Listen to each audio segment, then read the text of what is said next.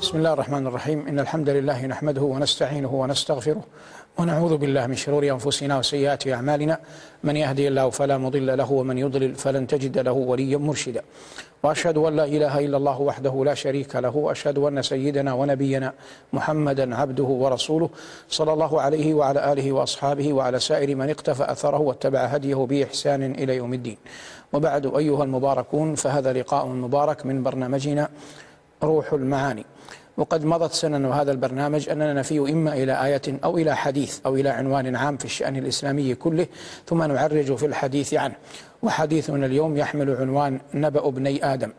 قال الله جل وعلا في سورة المائدة واتل عليهم نبأ ابني آدم بالحق إذ قربا قربانا فتقبل من أحدهما ولم يتقبل من الآخر قال لأقتلنك قال إنما يتقبل الله من المتقين والآيات بعد ذلك كلها تتحدث عن قصة نبأ ابني آدم.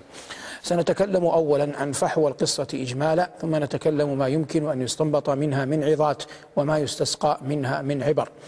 الله جل وعلا أهبط آدم إلى الأرض بعد أن أكل من الشجرة التي نهي أن يأكل منها.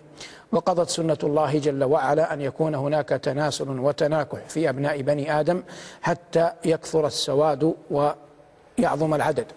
من ذلكم كان آدم عليه السلام يزوج الذكر من بطن بالأنثى من البطن الآخر.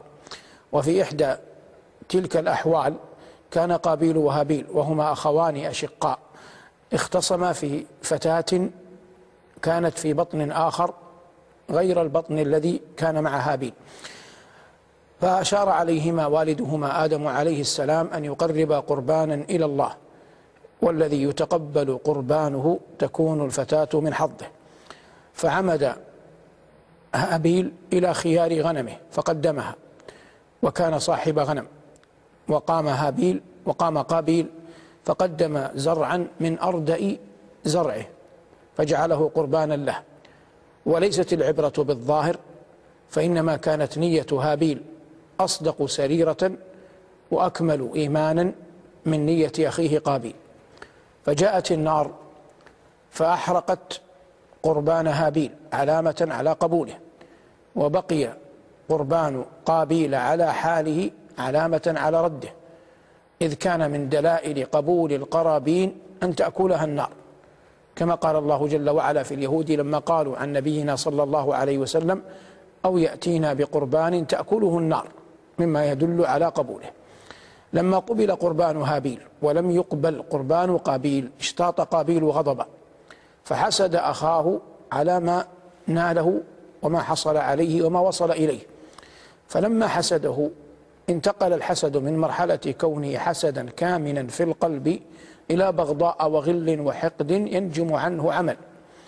فجاء إلى أخيه يشتد عليه ويقول لأقتلنك فسأله لما دوافع القتل فأخبره أنه قبل قربانك ولم يقبل قرباني. فأجابه أخوه إنما يتقبل الله من المتقين. ولئن عزمت على قتلي لئن بسطت إلي يدك لتقتلني ما أنا بباسط يدي إليك ليقتلك. ثم ذكر العلة إني أخاف الله رب العالمين لكن ذلك لم يمنع قابيل أن يستمر على حدث على حسده وبطشه. فعمد على إلى صخرة في أظهر الروايات فألقاها على رأس أخيه فقتله. ثم وقف حائرا ماذا يصنع بجسد أخيه؟ مكث على ذلك دهرا قيل إنه سنة وأظنه بعيد. لكنه وقف حائرا ماذا يصنع بجسد أخيه لأنه لم يكن أحد قبل قد مات أو قتل؟ فنكالا به بعث الله جل وعلا غرابا واختصم الغراب مع غراب آخر ثم لما فرغ من قتله عمد الغراب المنتصر فحفر في الأرض يبحث ثم طوى في تلك الحفرة جسد الطير الآخر. فلما رآه قابيل تبين له ماذا يصنع بجسد أخيه. فقال متحسرا يا ويلتى أعجزت أن أكون مثل هذا الغراب؟ فأواري سوءة أخي فأصبح من النادمين. هذا مجمل القصة وهي ظاهرة في القرآن. وسنقف وقفات. ماذا نستنبط من مثل هذا الأمر؟ الحسد من أعظم أدواء القلوب. وقد كان شائعا في اليهود ولهذا جاءت الآية. لأن النبي صلى الله عليه وسلم لما نزل المدينة حسدته يهود على أنه نبي بعث من العرب مع علمهم أنه صلوات الله وسلامه عليه هو الذي نص عليه في التوراة والإنجيل. قال الله جل وعلا الذين آتيناهم الكتاب يعرفونه كما يعرفون أبناءهم أي أن كل واحد منهم يعرف أن هذا محمد بن عبد الله الموسوم في التوراة بكذا وكذا وأنه نبي الأميين وخاتم الرسل ورسول رب العالمين. ولهذا لما قدم صلى الله عليه وسلم خرج حيي بن أخطب ومعه أخ له فرأى النبي صلى الله عليه وسلم لما قدم المدينة فقال أحدهما للآخر أثمه؟ قال نعم. قال فما في قلبك عليك؟ فما في قلبك عليه؟ قال عداوته ما بقيت. فكان كل الذي صنعه اليهود حسدا للنبي صلى الله عليه وسلم. فلما كان هذا الخبر فحواه الأول وباعث القتل فيه. مسألة الحسد. قصها الله جل وعلا في سورة المائدة وهي سورة مدنية نزلت في المدينة وقت مجاورة النبي صلى الله عليه وسلم ليهود بني قينقاع ويهود بني النظير ويهود بني قريظة. هذا باعث القتل كان الحسد. وقد قال أهل العلم إن الحسد والحرص والكبر هي أصول المعاصي فقلما تكون معصية. إلا ومردها إلى واحد إلى واحد من هذه الثلاث إما إلى الحسد وإما إلى الحرص وإما إلى الكبر. فبالحسد قتل قابيل هابيل وبالحرص أخرج آدم من الجنة لأن الجنة كلها كانت له إلا شجرة. فحرص على شجرة أن يزيد فكان ذلك سببا في خروجه منها. وبالكبر أخرج إبليس من المنزلة التي كان عليها. قال الله جل وعلا قال اخرج منها ليس من الجنة إنما من المنزلة العالية التي كان عليها إبليس وقت أن كان يغدو ويروح مع ملائكة الرحمن. فهذه أصول المعاصي. مما يستنبط من القصة أن الإنسان لا يوجد لديه لجام أعظم من لجام التقوى فإن هابيل كان أشد فتكا وأقوى بطشا وأشد قوة من أخيه.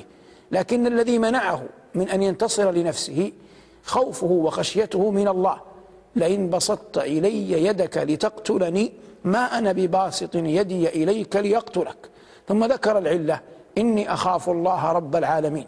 وهذا من أعظم ثمرات الإيمان بالله أن يرزق الإنسان الخشية والخوف من ربه تبارك وتعالى. فيلجم بلجام التقوى ولا لجام أعظم من لجام من لجام التقوى. وكم ترى في الصالحين من قدرة على الوصول إلى مرامات وغايات ينالها غيرهم لكن منعهم منعهم خشي منعتهم خشية الله والخوف من ربهم تبارك وتعالى أن يقتحموا تلك اللجج أو أن يتسوروا تلك المحاريب أو أن يأتوا تلك الأفعال. ما منعهم لا عصمهم إلا خوفهم من ربهم تبارك وتعالى. ولهذا قال الله جل وعلا يعد أمثال هؤلاء ولمن خاف مقام ربه جنتان. وقال ربنا تبارك اسمه وجل ثناؤه.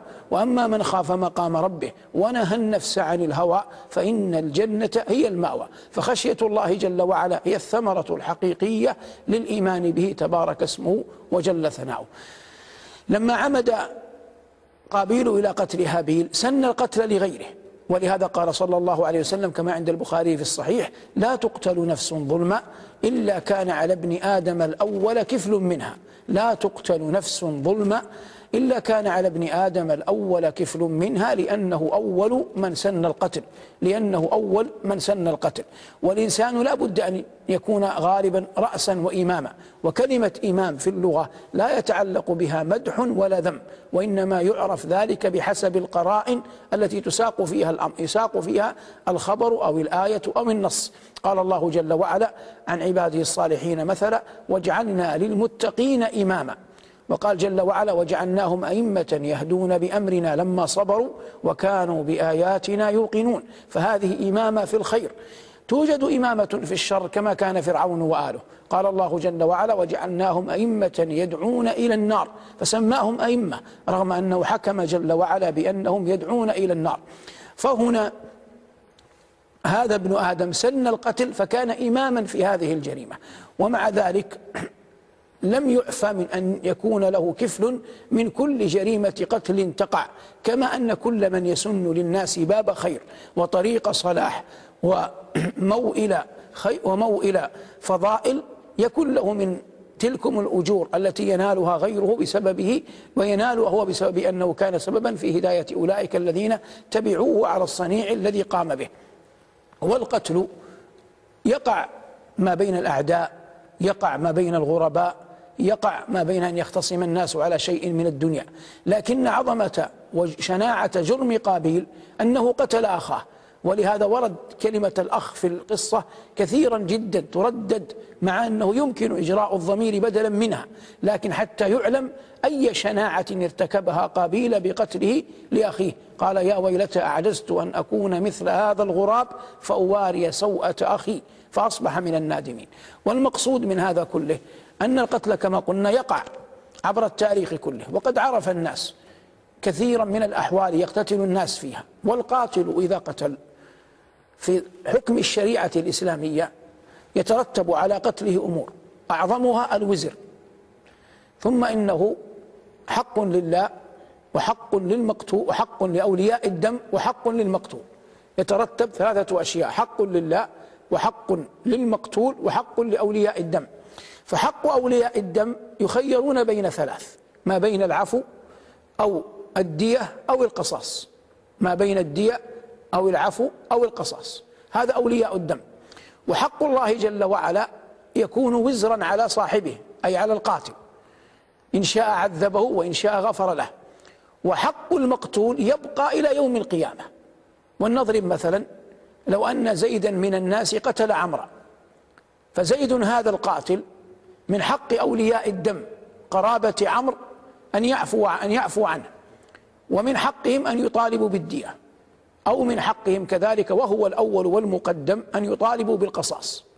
فأي ذلك اختاروا فهو لهم. فإذا جاء بعض أولياء الدم اختار العفو وبعضهم اختار القصاص يلزم من اختار القصاص بالعفو لأن النفس لا تتجزأ. إلا إذا كان في أحد الذين طالبوا بالعفو. كانت امرأة فالأظهر أنه لا يقبل وإنما ينظر للعصبة من الرجال في هذه المسألة. هذا ما يتعلق بحق أولياء الدم. وحق الله جل وعلا قلنا وزر يقع على القاتل وهذا يقع تحت المشيئة. إن شاء الله غفر له وإن شاء عذبه. رغم أن الآيات جاءت كثيرة جدا في بيان النكال بمن قتل مؤمنا عمدا. قال الله تبارك وتعالى ومن يقتل مؤمنا متعمدا فجزاؤه جهنم خالدا فيها وغضب الله عليه ولعنه وأعد له عذابا عظيما. فهذا إجراء للآيات إجراء وعيد شديد ممن قتل نفسا عمدا ظلما. بقي حق من بقي حق المقتول.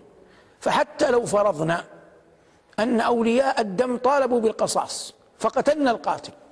من الذي ينتفع؟ ينتفع أولياء الدم. ما في قلوبهم من الغل على قاتل وليهم سقط لأنهم رأوه مقتولا. لكن المقتول أولا الضحية الأولى في قبره لا يستفيد من هذا شيئا. وإنما يبقى حقه معلقا إلى يوم القيامة. فيأخذ بعنق من قتله ويقول أي رب سل عبدك هذا فيما قتلني. سل عبدك هذا فيما قتلني. هذه الثلاثة الحقوق التي تتعلق بالقتل. ومن أغرب ما عرف في تاريخ العرب في مسألة القتل أن رجلا قبل زمن معاوية رضي الله تعالى عنه وأرضاه قتل رجلا له ذرية صغار. ثم إن الذرية كبروا كبروا في زمن معاوية وطالبوا بالقصاص. فكتب معاوية إلى واليه بالمدينة أن يقيم القصاص. وكان القصاص آنذاك يقوم أولياء الدم أنفسهم بضرب عنق القاتل فقدم القاتل لأن يقتل في ساحة القصاص وهو في الطريق جاءته امرأته تودعه تبكيه فنظر إليها فرأى عليها مسحة جمال فذكرها وتوعدها ألا تتزوج بعده فقالت أمهلني فذهبت وجدعت أنفها. ثم قدمت إليه وقالت أهذا صنيع من يريد الرجال بعدك؟ قال لا الآن طابت نفسي. ثم قدم لساحة القصاص. فلما جيء به ليقيدوه قال لي لا حاجة لي بقيدكم. قالوا حتى لا تتحرك رجلاك. قال لن تتحرك. ثم نظر وقد جاء أمير المدينة آنذاك يشهد القصاص. فتحت الأبواب وللأبواب صرير وثمة حراس. وحاشية يحفون الأمير والناس ينظرون. فعمد القاتل الذي سيقتل إلى أولياء الدم. وقال لمن يتولى ضرب السيف منهم إذا ضربتني فاضربني بكذا وكذا يحدد له كيف يقتله. ثم قال أذا العرش إني عائذ بك مؤمن مقر بزلاتي إليك فقير. وإني وإن قالوا أمير مسلط. وحجاب أبواب لهن صرير لا أعلم أن الأمر أمرك إن تدن فرب وإن ترحم فأنت غفور. ثم ضرب عنقه بالسيف. قال الرواة كما حكى ابن عبد ربه في العقد الفريد وغيره لم يتحرك منه شيء أي بقي ثابتا جلدا ذا جنان صعب. وأمثال هؤلاء قليلون في الناس. على الضد أحد الصالحين الأخيار المعروف برباطة الجأش لما قدم ليقتل أصابه جزع. فلما قيل له لما هذا الجزع؟ قال كيف لا أجزع وأنا بين يدي. قبر محفور وكفن منشور وسيف مشهور. قبر محفور وكفن منشور وسيف مشهور. ولا ريب أن القتل صبرا أي أن يؤخذ الإنسان إلى ساحة القصاص فيرى كيف يقتل صبرا. يعني على مشهد ومرأة ليس بالأمر الهين ليس كل أحد يقدر أن يكون ثابت الجنان واثقا من نفسه في تلك اللحظات وإنما هذا يبنى غالبا على طبيعة النفس وعلى كمال قدرتها ورباطة جأشها وعلى ما كانت تقضي فيه أيام حياتها لأن مثل هذه الأشياء لا تعطى هبة واحدة بين عشية وضحاها إنما تؤتى مع الأيام وتنمو مع الشخصية ومقابلاتها وأخذها وعطائها. والناس في هذا كثيرون. وقد كان الخوارج على ضلالة معتقدهم من أشجع الناس قلبا عند لقياء القتل. قال قطري بن فجاءة أقول لها وقد طارت شعاعا من الأبطال ويحك لن تراعي فإنك لو سألت بقاء يوم عن الأجل الذي لك لن تطاعي فصبرا في مجال الموت صبرا فما نيل الخلود بمستطاع ومن لا يعتبط يسأم ويهرم وتسلمه المنون إلى انقطاع في قصيدة طويلة. وقد كان فيهم من الجبروت والشجاعة والقوة ما لا يعلمه إلا الله. كان أحدهم يعمد منذ أن يدخل المعركة يعقر خيله حتى لا يفر ثم يدخل ويقبل غير مدبر ويرى من تطاير الرؤوس وغيرها ومع ذلك يجعله ثابتا وهذا في الناس قليل. لكن كما قلنا هذا مبني على شجاعة قلبية موروثة إما أن تكون بسبب الأحوال التي عاشها المرء أو ورثها عن أجداده وعن آبائه وهذا فضل يؤتيه الله جل وعلا يؤتيه الله جل وعلا من يشاء. لكن ينبغي أن يعلم أن التعرض لدماء المسلمين من أعظم الحرمات وأجل الكبائر. وقد قال أهل العلم إن أمورا ثلاثة حرمها الله جل وعلا في الشرائع السماوية كلها الشرك به والقتل والزنا. قال الله تبارك وتعالى والذين لا يدعون مع الله إلها آخر ولا يقتلون النفس التي حرم الله إلا بالحق ولا يزنون. ومن يفعل ذلك يلقى أثاما. والآيات من سورة الفرقان. وسورة الفرقان سورة مكية. وقد نزلت في مكة قبل التشريع. مما يدل على أن هذه الثلاث جاءت الشرائع السماوية كلها بتحريمها وهي الشرك بالله وقتل النفس بغير حق مع الزنا عياذا بالله من ذلك كله. هنا نقول هذا ما وقع من ابن آدم أنه سن القتل لمن بعده وشناعته في أنه قتل أخاه والذنب كما الفضل يعظم أحيانا إما بالمكان أو بالزمان أو بالحال. قال صلى الله عليه وسلم أما ذكر الزنا بين أن أعظم الزنا أن يزني الإنسان في حليلة جاره. قلت يا رسول الله أي الذنب يعظم؟ قال أن تجعل لله ندا وهو خلقك. قلت ثم أي؟ قال أن تزاني حليلة جارك مع أن الزنا محرم لكن الجار يجعلك ينظر إليك نظرة مؤتمن. فإذا وقع من الجار الزنا بجار امرأته بامرأة جاره كان ذلك دلالا على دناءة النفس وبعدها عن حفظ العهد.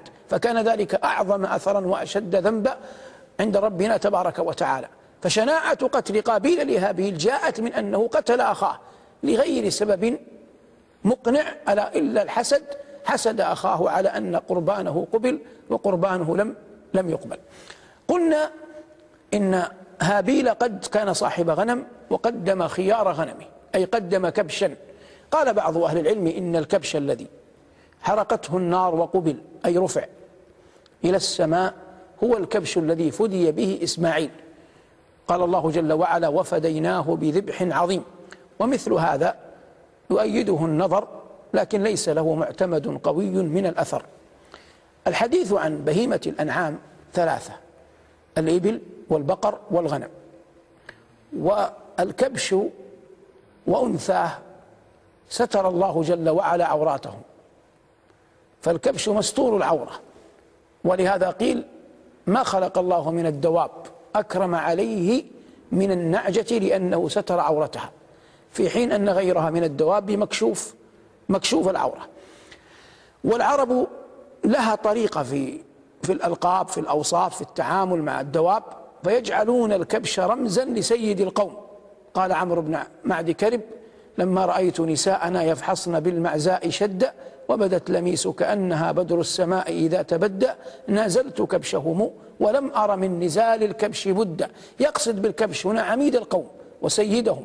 ومقدمهم وشجاعهم ولهم في هذا طرائق معدودة لأنهم يأتون إلى الدواب ثم يجعلونها تتعلق بحياتهم وهم في هذا أودية شتى تارة يرفعون من شاءوا وتارة يخفضون من شاءوا كما قال الحطية قوم هم الأنف والأذناب غيرهم ومن يساوي بأنف الناقة الذنب.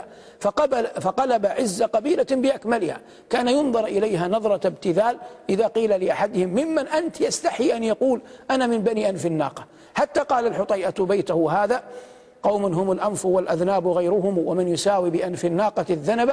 فأصبح ينظر إليهم نظرة إجلال لأن الشعر جرى في الناس. مجرى النار في الهشيم فأصبح أحدهم إذا سئل رفع أنفه وقال أنا من بني أنف الناقة. ولهم في هذا كما قلت أمور شتى ليس هذا مجال التفصيل فيها. فقدم كبشا من خيار غنمه. والإنسان إذا أراد أن يتقرب إلى الله جل وعلا الله يقول ولا تيمم ولا ولا تيمموا الخبيث منه تنفقون ولستم بآخذه إلا أن تغمضوا فيه. فالإنسان إذا أراد أن يزكي إذا أراد أن يتصدق إذا أراد أن يعطي إما أن يعطي شيئا حسنا أو أن يكف. إما أن يقدم شيئا يليق بالمقام وإلا فلا حاجة لأن يجعل نفسه في موقف حرج ويقال يعرف عقل العاقل من ثلاث أمور من هديته التي يبعثها أو من رسوله الذي يرسله أو من كتابه الذي يكتبه. فأنت من الكتابة كالرسائل اليوم ومن الهدية ومن الشخص الذي بعث. تعرف عقل من؟ من بعث. من بعث هذه الهدية أو كتب تلك الرسالة أو بعث ذلك الرسول. والمقصود أن هابيل تخير كبشا من خيار غنمه قربانا لله جل وعلا. لكن ذلك كان سببا في حسد أخيه له فقتله. بقي قابيل متحيرا في ذلك الجسد كيف يواريه. الله جل وعلا قال ثم أماته فأقبره فجعل جل وعلا القبور أول مساكن الآخرة. وكتب جل وعلا أن بني آدم يدفنون في الأرض التي خلقوا منها. منها خلقناكم وفيها نعيدكم ومنها نخرجكم تارة أخرى.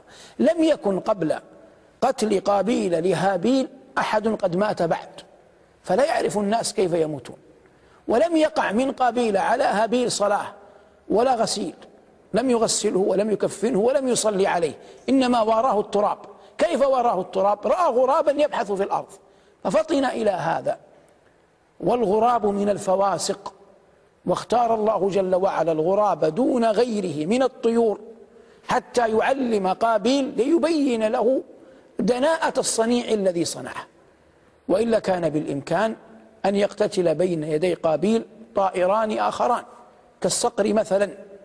لكن جيء بالغراب وهو من الفواسق منبوذ ليبين له حاله الذي تردى بعد أن قتل أخاه.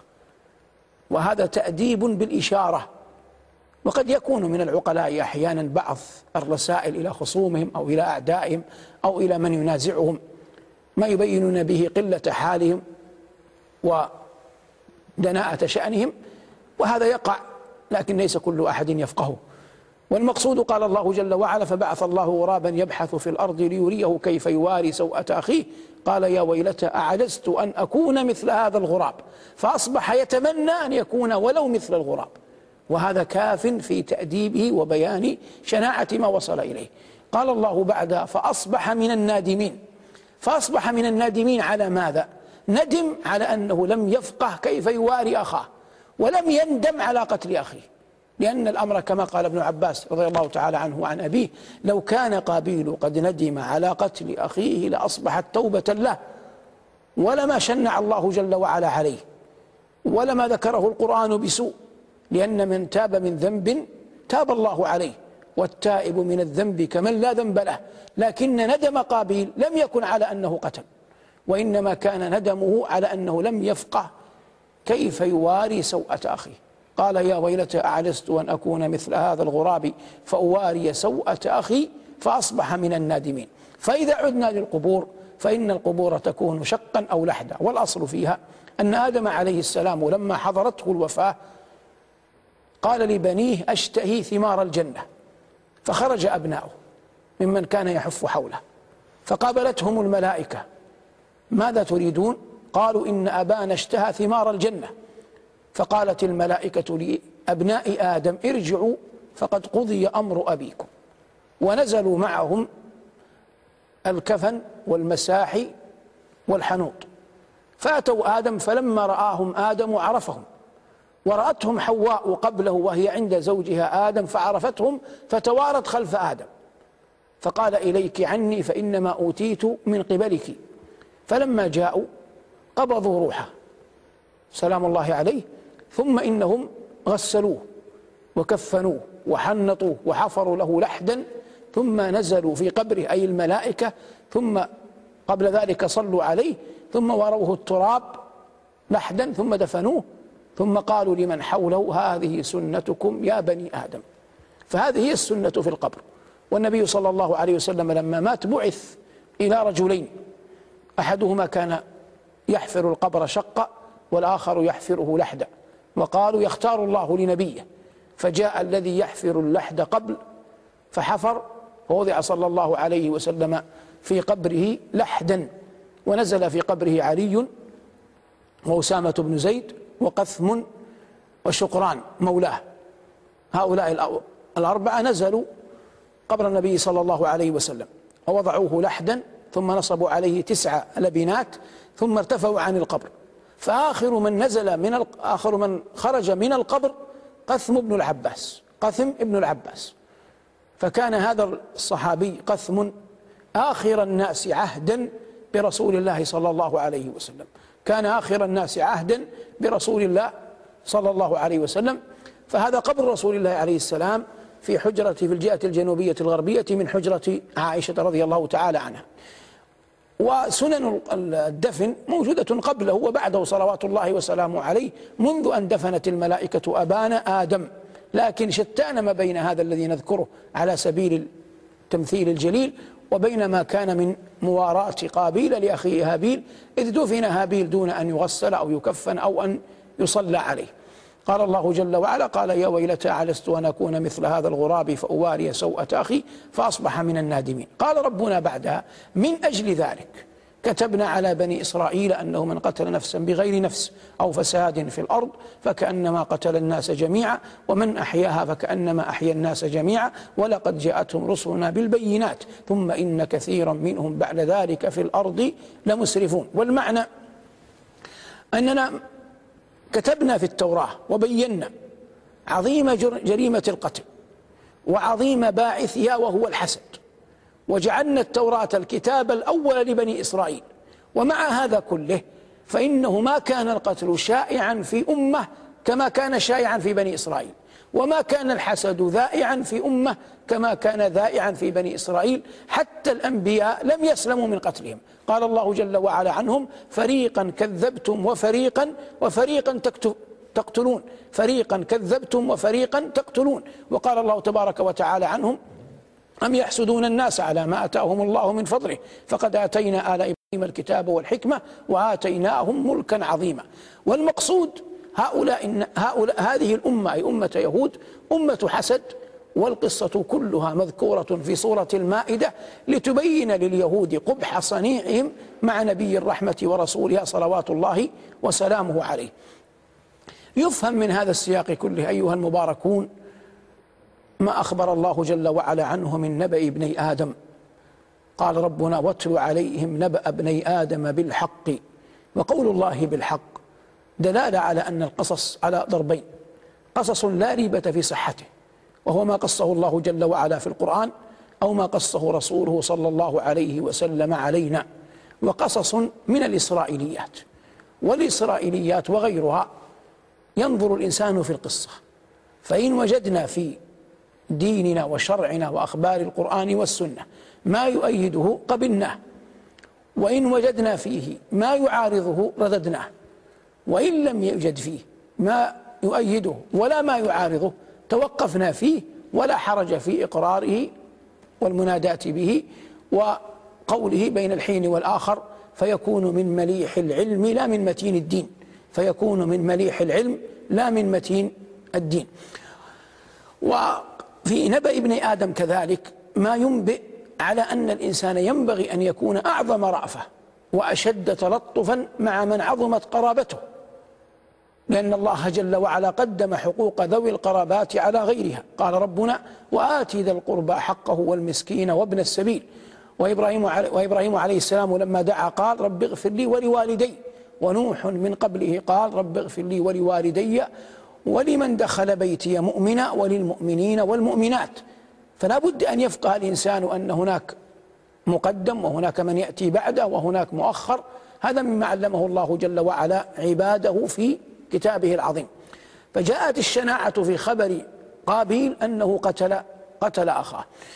الأخوة الأصل فيها التلازم والنصرة. قال الله جل وعلا لموسى سنشد عضدك بأخيك. لكن قد تدخل مطامع دنيوية تفرق بين الأخوين. فالأمين والمأمون مثلا خليفتان عباسيان شهيران. كتب هارون من بعده الملك لهما. وقع بينهما من الشقاق ما وقع حتى اضطر المأمون إلى أن يقتل إلى أن يقتل الأمين من أجل الملك من أجل الحكم.